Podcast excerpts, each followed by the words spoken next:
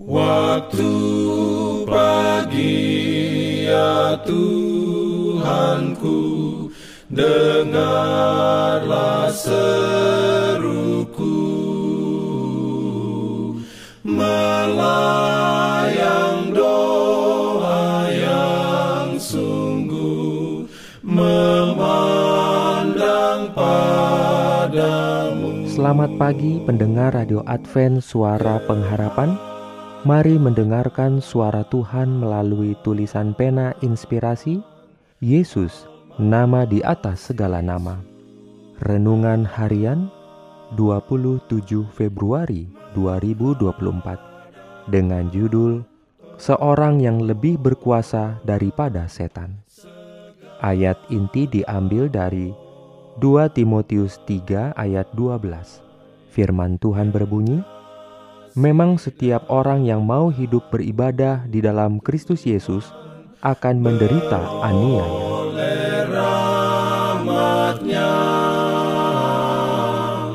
diberikannya perlindungan dalam pimpinannya. Urayanya sebagai berikut. Yesus tidak mengemukakan kepada pengikut-pengikutnya pengharapan untuk mendapat kemuliaan dari kekayaan duniawi untuk menghidupkan suatu kehidupan yang bebas dari ujian. Gantinya ia memanggil mereka untuk mengikuti dia pada jalan penyangkalan diri dan hinaan. Ia yang datang untuk menebus dunia ditentang oleh kuasa kejahatan yang bersatu padu. Dalam suatu persekutuan yang tidak menaruh belas kasihan, orang-orang jahat dan malaikat-malaikat yang jahat mempersiapkan diri terhadap anak damai. Setiap perkataan dan perbuatannya menyatakan belas kasihan ilahi, dan ketidaksamaannya dengan dunia menimbulkan permusuhan yang paling pahit. Demikianlah akan jadi kepada semua orang yang akan hidup saleh dalam Kristus Yesus aniaya dan hinaan menunggu semua orang yang diilhami dengan Roh Kristus. Sifat dari aniaya itu berubah berulang kali, tetapi prinsip itu, roh yang mendasarinya, adalah sama yang telah membunuh umat pilihan Tuhan sejak zaman Habel. Pada segala zaman, setan telah menganiaya umat Allah. Ia menganiaya mereka dan membunuh mereka. Tetapi sementara mereka mati, mereka menjadi pemenang. Mereka menjadi kesaksian dari kuasa seorang yang lebih berkuasa daripada setan. Orang-orang jahat boleh menganiaya dan membunuh tubuh, tetapi mereka tidak dapat menjamah kehidupan yang tersembunyi bersama Kristus dalam Allah. Mereka dapat memanjarakan pria dan wanita dalam dinding penjara, tetapi mereka tidak dapat mengikat roh melalui ujian dan aniaya kemuliaan, tabiat Allah dinyatakan pada umat pilihannya. Orang-orang percaya pada Kristus dibenci dan dianiaya oleh dunia, telah dididik dan didisiplin dalam sekolah Kristus.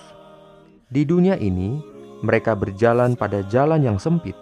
Mereka disucikan dalam dapur api kesusahan.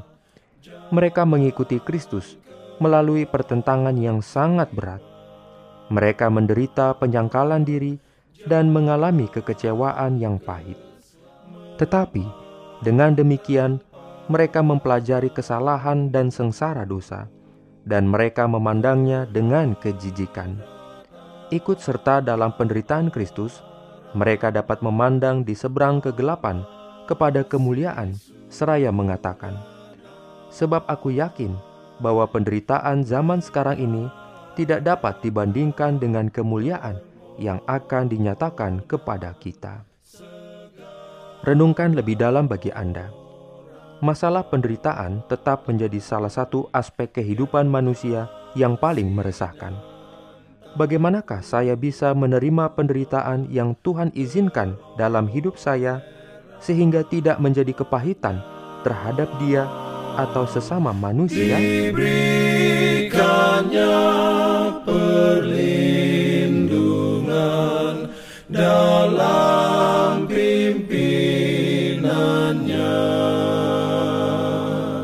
Pinannya Pimpin Jangan lupa untuk melanjutkan bacaan Alkitab sedunia. Percayalah kepada nabi-nabinya yang untuk hari ini melanjutkan dari buku Yeremia pasal 30. Selamat beraktivitas hari ini. Tuhan memberkati kita semua. Jalan kewajiban,